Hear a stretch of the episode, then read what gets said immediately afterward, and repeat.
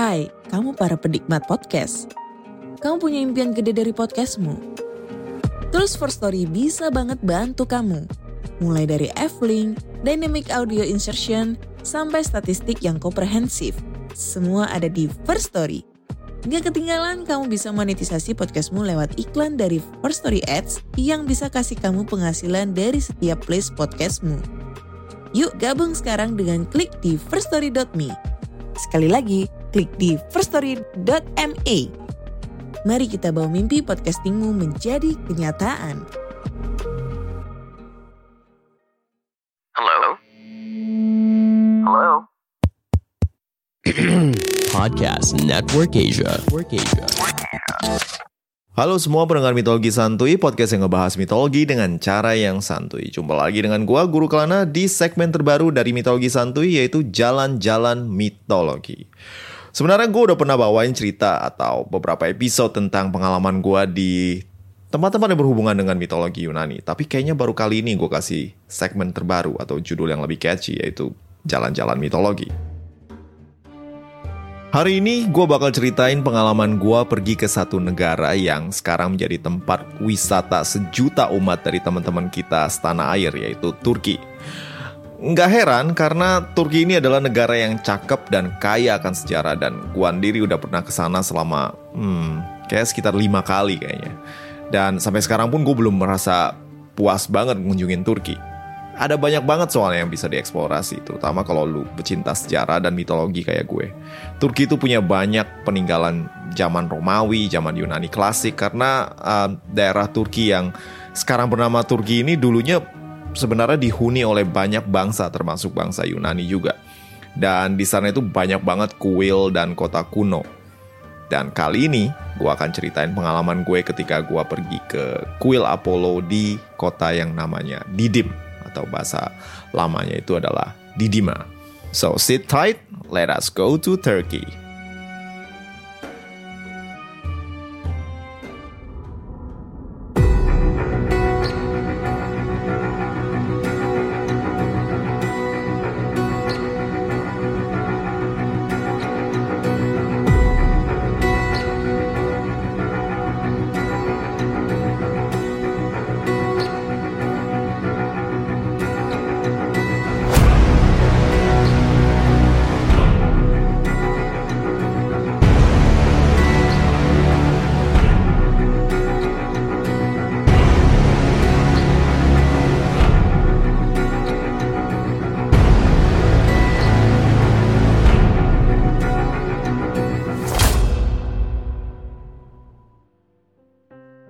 Pernah nggak lu ngerasa begitu hidup dan berasa bisa naklukin segala hal di dunia?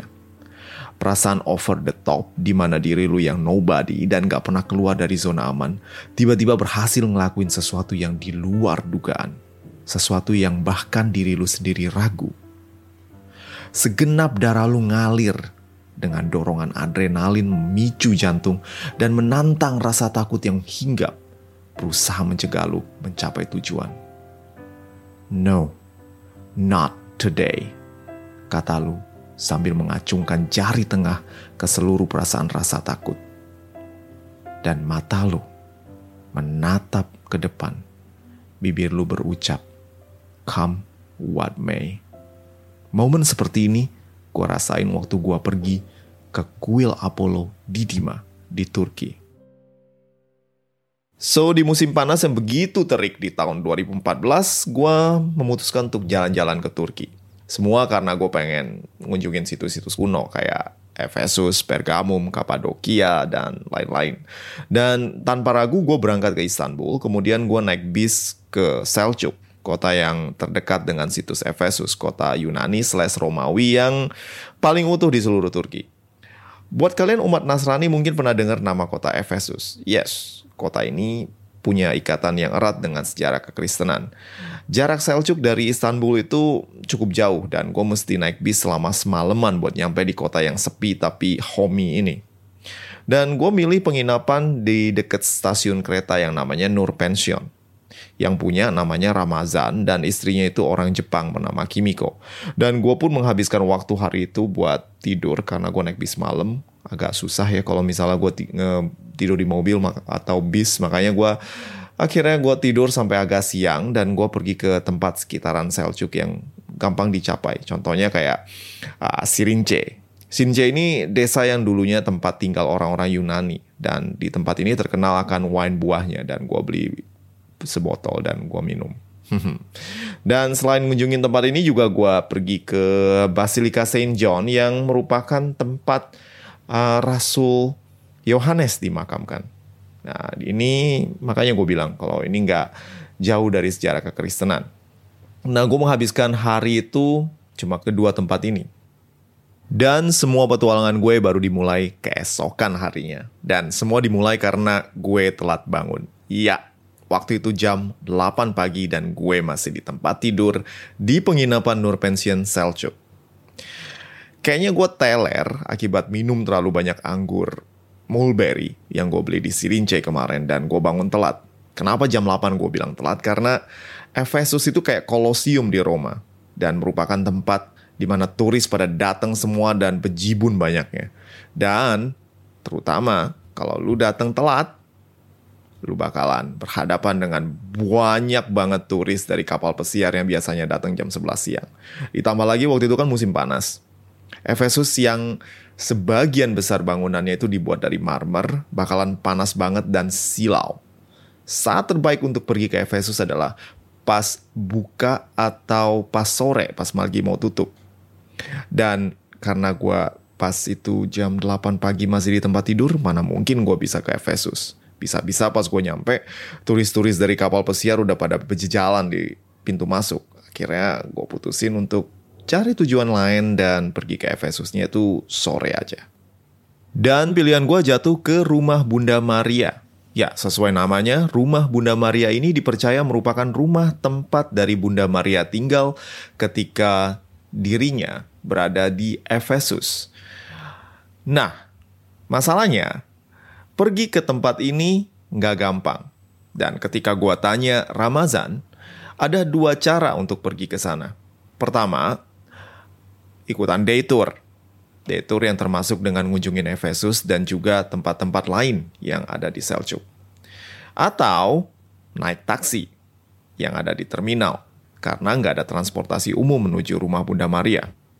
Karena gue udah telat bangun, opsi gue sekarang hanya naik taksi. Dan ketika gue tanya, Harganya berapa? 60 lira. Dan untuk kurs saat itu mahal banget karena satu lira pada waktu gua pergi itu 5.500 nggak kayak sekarang yang cuma 800 perak.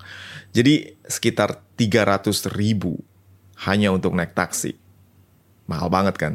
Dan gue yang pelit akhirnya bilang ah nggak deh gue nggak ikhlas ngabisin uang segitu cuma buat naik taksi doang akhirnya gue pun googling nyari info bagaimana ke rumah Bunda Maria tanpa nguras dana ternyata ada cara lain yaitu nyewa motor dan pergi sendiri ke sana ha naik motor ini hal yang paling gue suka kalau gue lagi jalan-jalan dan gue pun kemudian nyari penyewaan motor yang ternyata letaknya nggak jauh dari Museum Efesus Lalu gue pun sampai ke Meandros Rental, tempat penyewaan mobil sekaligus motor yang letaknya dekat dari Museum Efesus. Nah, pemiliknya itu namanya Fahmi. Waktu gue sampai, dia itu kayaknya baru bangun dan waktu itu jam udah mulai 9.30 kalau nggak salah dan dia baru bangun. Gue lihat sih kagak ada motor di tempatnya. Tapi dia bilang kalau motornya itu ada di rumahnya dan dia bakal telepon anaknya buat bawain motor. Tapi, nah ini yang lucu dan hanya terjadi di Turki. Dia nggak punya telepon. Dan kemudian dia mangkal di depan tokonya bareng gua dan dia pun nunggu orang lewat untuk minjem handphone karena handphone gua pun nggak ada SIM card. Jadi dia nebeng orang yang lewat buat nelpon anaknya yang juga waktu itu masih tidur buat ngebawain motor. Akhirnya gue mesti mangkal di depan sama dia sampai ada orang nelpon orang lagi, nelpon orang lagi, sampai anaknya ternyata bangun dan bawain gua motor. Awalnya gue pikir gue kena scam, tapi karena gue butuh motornya dan gue udah gak punya pilihan lain, akhirnya gue ikutin aja. Dia ngobrol ngalor ngidul sambil nunggu anaknya datang bawa motor. Ada kadang-kadang ngomongin soal politik, kadang-kadang ngomongin soal cewek dan macam-macam. Cuma well, gue mesti appreciate effort dia untuk bicara bahasa Inggris sekaligus uh, memperkenalkan gue terhadap berbagai macam pandangan tentang orang-orang Turki dan budayanya. Dan kesabaran gue pun membuahkan hasil. Motornya nyampe. Dan gue pun bayar 40 lira tanpa jaminan apa pun. Aneh kan? Mestinya kalau lu nyewa motor atau mobil, lu bakalan nitip kartu identitas kayak paspor atau KTP. Atau mungkin lu nitipin duit. Tapi kali ini kagak. Dan motor ini adalah motor bebek Italia yang cc-nya itu 110. Dan manual. Gue suka motor manual kalau pergi jalan-jalan yang terutama kalau naik gunung. Karena lebih enak daripada Matic. Dan gue pun siap untuk menyelusuri jalan-jalan di Turki. Dan sebelum pergi gue diingetin buat ngisi bensin dan of course pakai helm. Dan sang pemilik, Fahmi juga bilang, keep on the right side. Oke, okay, I know, berkendara di Turki itu beda banget dengan di Indonesia. Kalau di Turki, kendaraan lambat kayak bis atau motor itu harus berada di jalur kanan. Kebalikan kan kalau mendahului kan kalau di Jakarta atau di Indonesia bagian lain pasti lu harus ke sebelah kanan kalau lu mau cepet. Kalau ini terbalik kanan itu untuk lambat. Dan kalau mendahului lu harus lewat sebelah kiri. Dan kalau lu nanya aman apa enggak naik motor di Turki? Well kalau lu biasa naik motor di Jakarta di mana banyak ibu-ibu yang sennya ke kiri malah beloknya ke kanan dan lain-lain gue yakin lu bakal survive di Turki no problem Trust me. Dan setelah ngisi bensin, gue pun langsung tancap gas menuju rumah Bunda Maria yang letaknya di atas gunung Bulbul. Jadi kalau lu denger ya, di atas gunung, itu berasa itu kan jauh banget kan. Dan gue pun kira gue bakalan naik motor kayak sejam atau dua jam buat ke rumah Bunda Maria. Tapi ternyata gue cuma spend like half an hour setengah jam lewat jalan mulus beraspal dan pemandangan gunung yang indah dan bahkan gue bisa ngeliat laut. Dan gue pun sampai di rumah Bunda Maria dengan selamat dan sentosa. Setelah gue berdoa di rumah Bunda Maria yang sekarang udah kayak kapel, akhirnya gue memutuskan untuk kebingungan. Kenapa? Karena gue gak tahu mau ke mana lagi dan saat itu masih pagi baru jam 11 siang dan di musim panas, matahari itu terbenam jam 9 malam. Jadi gue masih punya waktu sekitar 10 jam untuk keliling-keliling dengan motor ini. Tapi, mau ke mana? Dan seolah dapat pencerahan, gue tiba-tiba teringat sama riset yang gue lakukan beberapa minggu sebelumnya tentang ada tour yang namanya PMD alias singkatan dari tiga kota kuno yaitu Prien, Miletus, dan juga Didima. Tiga kota ini punya daya tarik sendiri. Prian ini menawarkan pemandangan indah reruntuhan kota dengan latar belakang gunung yang menjulang tinggi. Miletus itu kota yang pernah dikunjungi oleh Rasul Paulus dalam perjalanannya memberitakan Injil di Asia Minor alias Turki sekarang. Dan juga yang terakhir adalah Didima yang merupakan tempat di mana kuil Apollo terbesar di seluruh peradaban Yunani berada. Hmm, kuil Apollo terbesar di seluruh peradaban Yunani. Ah, gue mesti ke sana. Dan akhirnya gue pun iseng nanya sama satu orang polisi atau dalam bahasa Turkinya itu jandarma. Dia bilang dalam bahasa Inggris yang benar-benar perfect dan juga dengan aksen British. Gue nggak tahu kenapa orang-orang Turki itu bahasa Inggrisnya British banget. Dia ngomong kayak gini. If you want to go to Didim, it is very easy. You just need to go down this road and turn to Ortaklar. From there, just follow the road to Soka, and from Soka, follow the signboard to Didim. Hmm, kalau lu denger instruksi kayak gini susah nggak? Kalau gua denger waktu itu, ah, easy. Paling setengah jam juga nyampe. Dan gue pun siap-siap berangkat ke Didima. Tapi tiba-tiba gue kepikiran, hah, yakin lu mau pergi? Lu cuma pakai baju t-shirt sama celana pendek, nggak pakai jaket lagi, nggak takut masuk angin. Terus lu juga nggak punya GPS, nggak punya peta, dan handphone lu juga nggak ada SIM cardnya. Kalau kecelakaan atau something bad happens gimana? Well, akhirnya gue cuekin akal sehat gue yang barusan ngomong. Karena tekad gue udah bulat, dan gue pun langsung jalan aja bos. Perjalanan nurunin Gunung Bulbul itu bener-bener menyenangkan. Udara sejuk, pemandangan gunung serta laut Aegea yang ada di jauh di sana itu bikin mata gue seger dan makin bersemangat. Sesekali gue berpapasan dengan bis pariwisata dan taksi kuning yang mengantarkan turis ke rumah Bunda Maria. Dan dalam hati, gue tuh lega Untung gue nggak pakai taksi. Kalau nggak, gue bakalan nyesel bayar mahal dan gue nggak bisa nikmatin jalan-jalan naik motor. Dan gue pun lanjutin perjalanan sampai ke satu persimpangan deket kota yang namanya Ortaklar. Dan gue baru inget kalau gue belum makan siang. Akhirnya gue pun berhenti sebentar untuk nyari Lokanta, yaitu tempat makan yang terdekat. Dan gue nemuin satu Lokanta kecil yang berada di pinggir jalan dan kemudian gue pun pesen makanan. I know this sounds like stereotype. Ketika gue nyampe, gue pun ngomong, Do you have kebab? Ya, makanan turis paling populer dari Turki, kebab. Waiternya datang, ngeliat gue, dan kemudian jawab, No kebab. Terus ngomong dalam bahasa Turki yang gue nggak paham sama sekali kecuali satu kata, yaitu kofte. Kofte adalah bakso atau mungkin bisa dibilang bola-bola daging yang dipanggang dan rasanya itu lezat banget dan gue pernah makan ini di Istanbul so gue pesen itu sebagai minuman gue pun milih ayran ayran ini adalah sejenis yogurt yang rasanya itu asin-asin kecut emang rasanya mungkin agak aneh tapi gue doyan aja karena ini bisa ngebantu pencernaan gue Gue duduk sabar, nunggu, sementara gue lihat kofta gue lagi dipanggang. Dan gile, saat itu gue bener-bener lapar. Ketika disiapkan, gue dikasih bonus sepiring salad dan juga roti all you can eat. Seriously, you can eat as much as you can. Dan ketika siap di depan gue, gue pun santap dan bener-bener ini enak dan bikin kenyang. Gua minum airan, dan setelah selesai, gua pun mau bayar.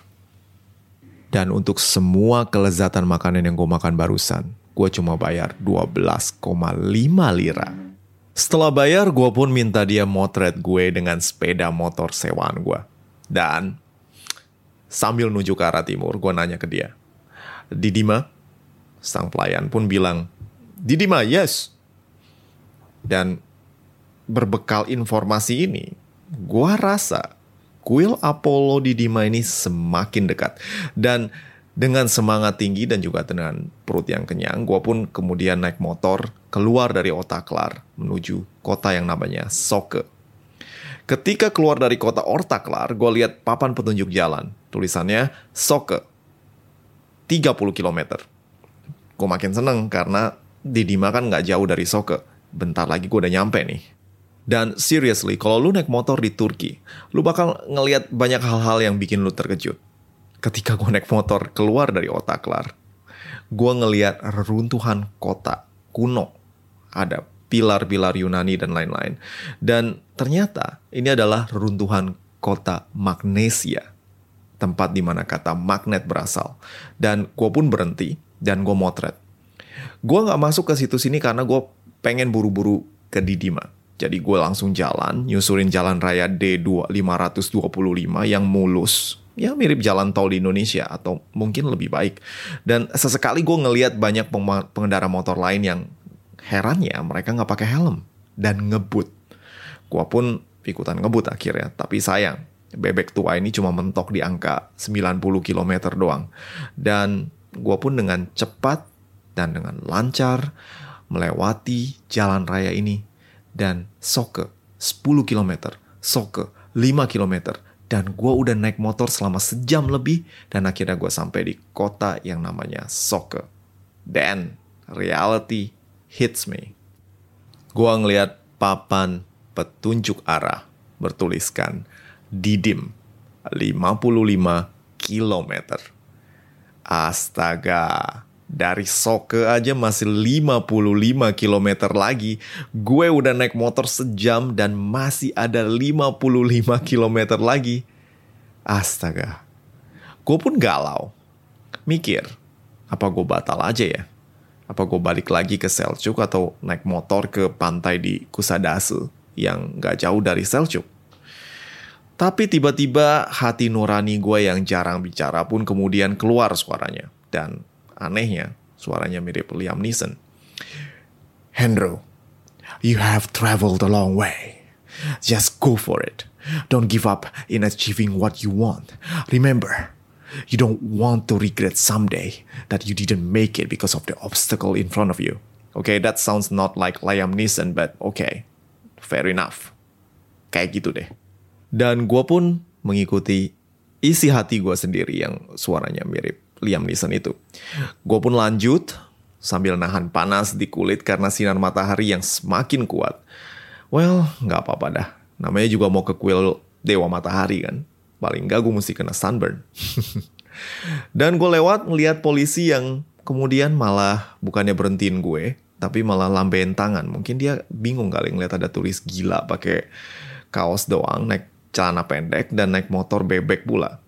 Hah, tapi satu hal yang pasti, orang-orang di sini itu ramah banget. Setelah nyaris sejam menyusuri jalan raya, gue pun nyampe di persimpangan dekat kota yang namanya Akoy. Marka jalan nunjukin, Didim 25 km ke sebelah kiri dan Milet 5 km ke sebelah kanan. Pikiran gue pun terbelah apakah gue mesti lanjut ke Didim atau gue mesti detour ke Milet dulu baru ke Didim? Karena gue pengen ngelihat kota yang pernah dikunjungi Rasul Paulus ini. Akhirnya gue pun milih detour dulu ke Miletus. Milet. Nggak nyampe 15 menit gue sampai di kota kuno yang tampaknya hanya gue dan tiga orang lain yang ada di situs ini. Dan kemudian gue jalan gue ngeliatin uh, peruntuhan Grand Theater, foto-foto, dan gua tancap gas ke Didim. Sorry gua ceritanya agak di skip and fast forward karena gua rasa next time maybe gue bikin episode khusus untuk Miletus. Perjalanan panjang ini bikin gua resah. Bukan karena jaraknya doang, tapi karena bensin gue tuh mulai nipis dan gue berada di jalan yang jauh dari pom bensin.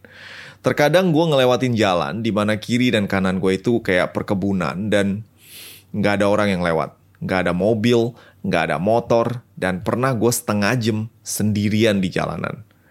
Gue tetap positive thinking dan terus gue macu laju motor sampai ke pom bensin terdekat. Tapi ketika gue ketemu sama pom bensin, dengan pelitnya gue cuma nambah satu liter doang. Entah kenapa, memang gue mungkin memang pelit aja kali. Setelah setengah jam dari Miletus, gue mulai bisa ngeliat laut nan biru dan pantai yang indah di sebelah kanan gue. Ah, gue udah mulai deket pantai nih. Jalan tepi pantai ini indah banget dan seolah-olah dia itu menyambut gue ke kota Didim. Setelah menyusuri jalan yang indah tapi sepi ini, gue pun sampai di tujuan gue, yaitu kuil Apollo Didima. Didima adalah kota tua yang letaknya tak jauh dari Miletus. Dia terkenal akan kuil Apollo dan Oracle alias peramalnya yang terkenal. Dan so, kalau lu rajin dengerin episode-episode mitologi santuy, lu udah tahu kalau misalnya Dewa Apollo ini punya kemampuan untuk meramalkan masa depan dan biasanya dia buka servis di kuil-kuil yang ada oracle-nya. Dan ada dua oracle yang terkenal di zaman Yunani kuno yaitu di Delphi, ya ada di Yunani, dan satu lagi di Didima yang berada di Turki zaman sekarang. Biasanya orang yang akan meminta petunjuk oracle, mereka akan datang mengunjungi Delphi atau Didima. Dan mereka akan menyucikan diri dulu dengan mandi, kemudian memberikan persembahan ke altar Dewa Apollo. Sementara sang oracle akan bertanya kepada sang pemohon tentang apa yang dia ingin ketahui. Sang oracle kemudian akan mencelupkan kakinya ke dalam air, mata air suci dan dia akan memberitahukan jawabannya kepada pendeta yang biasanya dalam bentuk puisi atau teka-teki yang sulit untuk diinterpretasi. Banyak tokoh sejarah yang pernah berkunjung untuk menanyakan masa depan mereka di Didima, seperti Kaisar Trajan dan Kaisar Agustus. Oracle Didima juga pernah memiliki andil dalam penganiayaan besar atau dalam bahasa Inggrisnya itu Great Persecution dari bangsa Romawi kepada pemeluk agama Kristen. Kaisar Diocletian yang ditekan oleh Kaisar Galerius akhirnya memutuskan untuk bertanya kepada Oracle mengenai apa yang harus dilakukan terhadap orang-orang Kristen. Dan Oracle Didima menjawab bahwa orang-orang Kristen adalah musuh para dewa sehingga harus dimusnahkan. Sejak itulah, penganiayaan besar di bawah Kaisar Diocletian pun dimulai. Dan atas perannya dalam penganiayaan orang Kristen di masa depan, oleh Kaisar Konstantin, Kaisar Romawi pertama yang menganut agama Kristen, menutup kuil Didima dan menghukum mati para pendetanya. Kuil Apollo ini berukuran besar banget dengan 122 pilar batu yang menyokong atapnya. Dan dari 122 pilar tersebut hanya ada tiga pilar yang masih utuh berdiri. Luasnya, jangan salah, kuil ini punya luas luar biasa besar. 5.500 meter persegi. Berukuran dua kali lipat dari kuil Parthenon di Athena. Kuil besar ini menampung banyak banget pemuja Apollo yang biasanya berjalan kaki melalui jalan suci atau Sacred Way dari kota Miletus yang gua kunjungi beberapa saat yang lalu.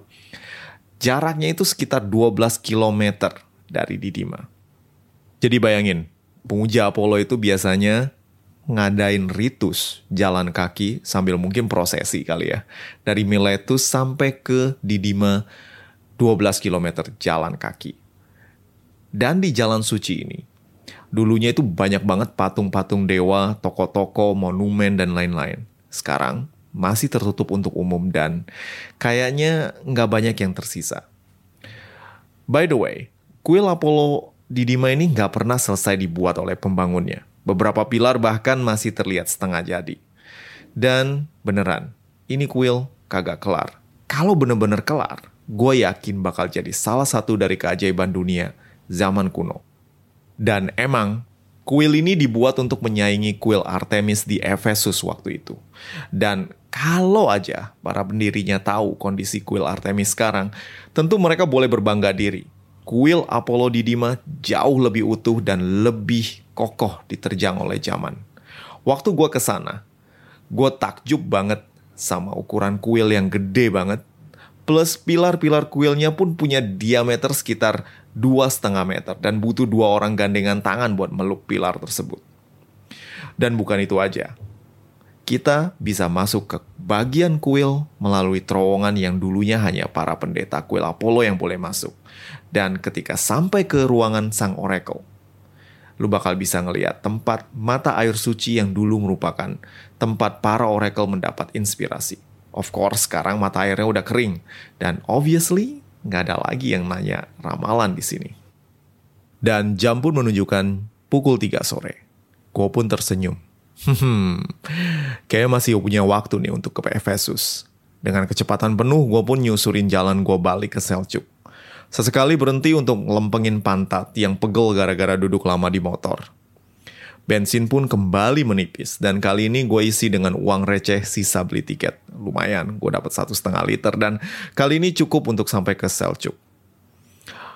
Gue pun langsung lanjutin perjalanan melewati tempat-tempat yang gue lalui waktu gue berangkat. Soke, Magnesia, Ortaklar, dan akhirnya Seljuk dan gue nyaris kelewatan gara-gara jalannya lurus melulu.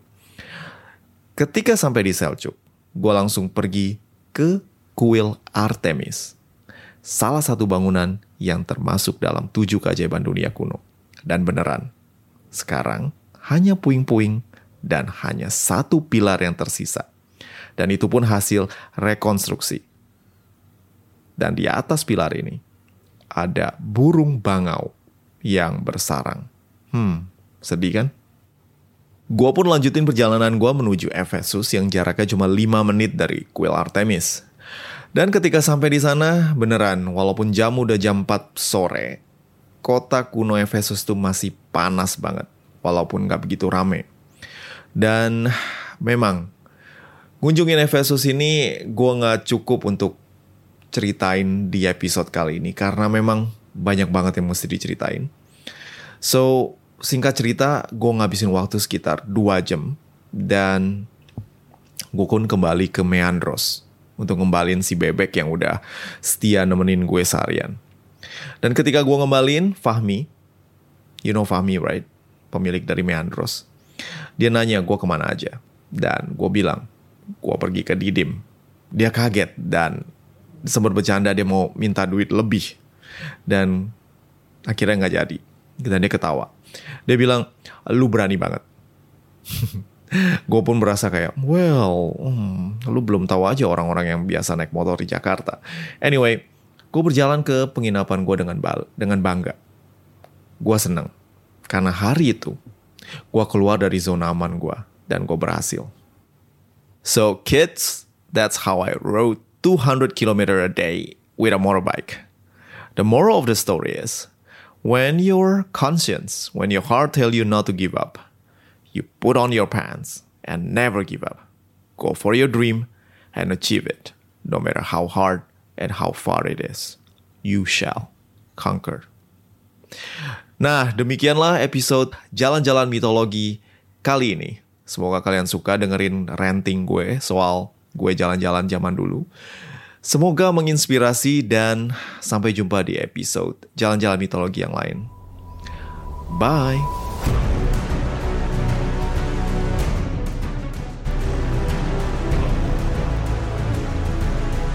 Pandangan dan opini yang disampaikan oleh kreator podcast, host, dan tamu tidak mencerminkan kebijakan resmi dan bagian dari podcast Network Asia. Setiap konten yang disampaikan mereka di dalam podcast adalah opini mereka sendiri dan tidak bermaksud untuk merugikan agama, grup etnik, perkumpulan, organisasi, perusahaan, perorangan, atau siapa pun dan apa pun.